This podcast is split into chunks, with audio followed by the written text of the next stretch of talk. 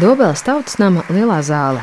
Latvijas Kultūras Akadēmijas vasaras akadēmijas otrās dienas pēdējās lekcijas tiek pavadītas ar gariem aplausiem.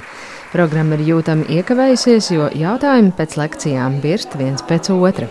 Var just, ka sabraukušajiem novada kultūras dzīves veidotājiem šis ir tiešām svarīgs notikums. Es esmu Valmieras novada Digļu kultūras centra vadītāja Inna Krēsliņa. Mums jau ir bieži, ka mēs tikai dodam, bet ļoti patīkami ir, ir kaut ko ņemt Tā ir satikšanās ar kolēģiem no citām Latvijas malām.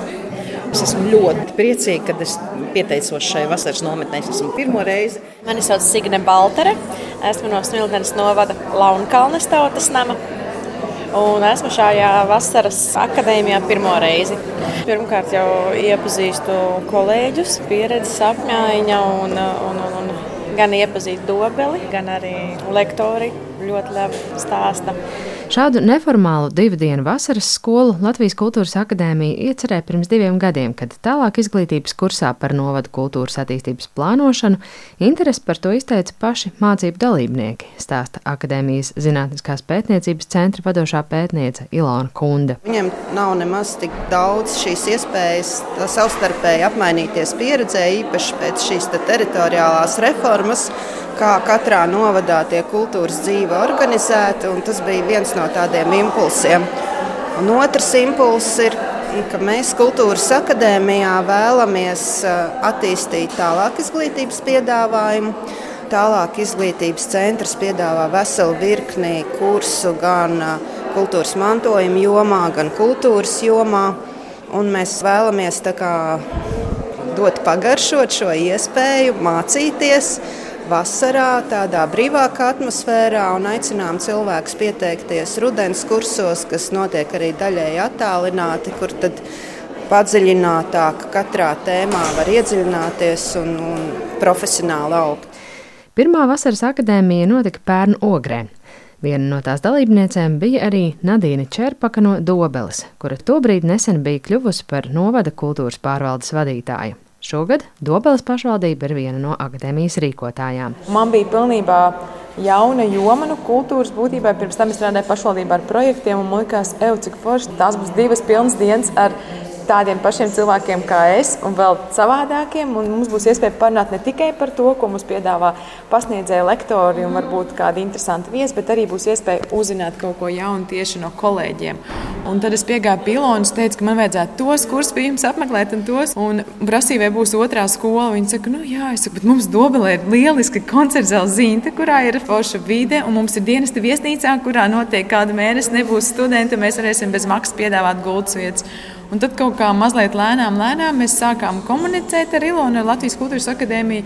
Un, bija baigi forši tas, ka viņa uzklausīja tas, kas man ir vajadzīgs. Mēs ļoti daudz runājām par darba vidi, par mobbingu, par risku vadību, par visām šīm lietām, kas tieši šodien mums ir. Par to, ka mēs, kā darbinieki, jūtamies darba vidē, kurā mēs strādājam. Lielu atsaucību šīs tēmas guva arī citu vasaras akadēmijas dalībnieku vidū. Siguldas kultūras centra Devons vadītāja un viena no lektorēm Jolanta Borīte norāda uz divām būtiskām tendencēm, ko izgaismo šis notikums. Tas, kas manuprāt ļoti būtiski šajā vasaras skolā, divas jaunas lietas. Vispār kultūras kā jēdziena plašāka izpratne, jo tā starpnozariskā sadarbība un jaunas nozares, ar kurām līdz šim varbūt pat nesaistīja kultūru. Mentālā veselība, fiziskā veselība, jā, viss, kultūra un veselība tas ir kaut kas jauns. Un man liekas, ka arī speciālistiem tieši tāpēc. Un otrs ir tieši šī darbinieku profesionālā kapacitāte un vispār viņu labbūtība. Nu, jo mēs daudz domājam par klientiem, par, par iedzīvotājiem, bet mazāk mēs domājam par to, kā jūtas mūsu darbinieki, kāda ir viņu darba vide, vai tas, ko mēs no viņa prasām, mēs arī spējam viņam dot. Jo es nevaru prasīt augsta līmeņa, inovatīvus, laikmetīgus, ja pašvaldība nedod iespēju viņam mācīties, nedod iespēju kaut kur pieredzē aizbraukt un redzēt to visu. Ja? Nu, tad tas sabalansējums starp tā, tām prasībām man liekas, ka tieši tas, ka šī vasaras nometne iedod tādu nu, tādu grūdienu atkal paskatīties, ka tā kultūras joma nepārtraukti tās robežas paplašina un ka mums caur kultūras darbu sen vairs nav tikai tradicionāli koncerti, teātris, izrādes, izstādes, vai biblioteka muzejs, bet ka mums caur kultūras darbu ir daudz lielāka atbildība pret to sabiedrību, kura dzīvo tajā mūsu teritorijā. Vēl viena svarīga sarunu tēma - kā apzināt iedzīvotāju kultūras vajadzības un iesaistīt viņus kopienas dzīvē, kas praksē nebūtu nav vienkārši. Dobels novada kultūras pārvaldes vadītāja Nadīna Čerpaka dalās ar piemēru, kāpēc pašvaldības un biedrību sadarbībai ir liela nozīme. Pašvaldībai ir ļoti liels funkcijas lokus, un es redzēju, ka biedrības, kas mums novadē, ir ļoti aktīvas, ka viņas jau veiksmīgi maziem solīšiem īsteno.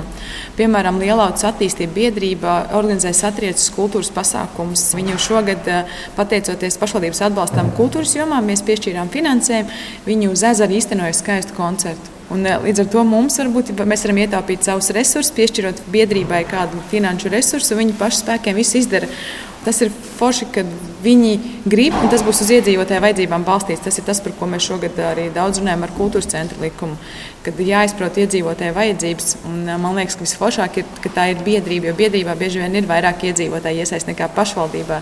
Jo pašvaldība jau nenāk cilvēki tik priecīgi, tur, jē, mēs tagad parunāsim ar pašvaldības darbiniekiem, bet biedrībā tas notiek neformāli pie kafijas vai tējas krūzes. Arī Bauskas kolēģi ļoti par to daudz stāstīja. Man liekas, ka tas ir forši, ka mēs varam iedvesmot arī mūsu biedrības, kļūt mazliet eh, aktīvākiem, eh, iesaistīties, nākt ar priekšlikumiem. Arī citu novadu kultūras dzīves veidotāji secina, ka kopienas iesaistē nereti vislabāk strādā tieši vienkāršākie, brīvākie pasākumi, kuru rīkošanā cilvēki paši pielikuši roku. Turpina Inna Krēsliņa no Dikļiem un Signa Baltera no Launkalnes. Dikļu kultūras centrs apvieno vairākas struktūra vienības, un tie ir arī mazie kultūras nami.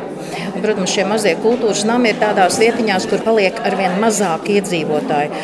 Un šie iedzīvotāji nevienmēr ir tādi, kas ir gatavi līdzdarboties. Un viens tas lielais secinājums ir, ko, ko es tiešām šeit arī apstiprināju, ko es visu laiku nu, sevī, bet tas dod tādu pamatiņu, kad arī citi domā tajā pašā virzienā, kad jāiet pie viņiem. Bet jā, jā, mēģināt. Jūs, piemēram, jūtaties ieguvus, kā tad piekļūt tiem cilvēkiem? Daudzās vietās jau tādas notiek, bet pie mums vēl nav. Ir šie pagalmu svētki kur mēs ļaujam šiem iedzīvotājiem pašiem, pašiem sev organizēt svētkus, iznesat ārā tos savus solus, savus galdus, savus spilvenus vai savas sēdziņas. Uztaisiet katrs savus, nu, vai, vai tur ir abols, vai tur ir plūme, vai tur ir kāds konzervs, vai, vai Ziemassvētkos varbūt tā kaut kāda piparkūkla Ziemassvētkos ārā, bet kāpēc ne? Un, un, un tad viņi liekas, nu, tā savā vidē, savā pagalmiņā, varbūt viņi jutās drusku drošāki Un, un, un es no savas puses viņiem piedāvāju kaut kā finansiāli palīdzu, nu, tā ir muzikālā kādā programmā, vai, vai tas ir nu, kaut kādas dejas, vai, vai tas ir kopīgs kaut kāds tāds, bet vairāk darboties pašiem. Mums arī tagad Laukalnē ir aktuāli tieši kopiena visas darīšanas ap kopienu. Esam izveidojuši savu tādu pirmo pulciņu kopienas no dažādiem cilvēkiem, kuri ikdienā, nu, nu, piemēram, neapmeklē pasākumus pat, bet viņi ir iesaist, nu, ieinteresēti iesaistīties tieši mūsu pagasta dzīvē un attīstībā. Cik vispār ir viegli iekustināt iedzīvotājus pēc jūsu pieredzes? Uh, nav tik viegli. Bet es domāju, ka ar to savu, nu, es varbūt vairāk ar to savu attieksmi par cilvēkiem. Es esmu arī skoliņā iesaistīta, kā mūzikas skolotājs un vispār varbūt Caur draugiem, caur, caur visu komunikāciju mēs vairāk bīdamies un varbūt kaut ko iedodot vēl cilvēkam darīt vai par kaut ko būt atbildīgam tajā, nu, kas nestrādā kultūras jomā.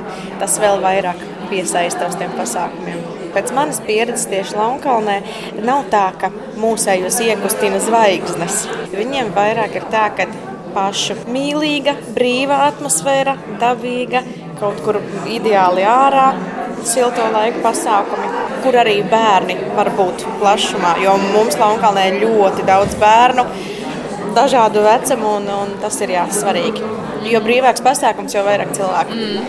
Latvijas Kultūras Akadēmija arī rudenī turpinās tālāk izglītības kursus novada kultūras dzīves organizatoriem, šoreiz fokusējoties uz kultūras centra strateģisko un personāla vadību un digitālo transformāciju radošajās industrijās.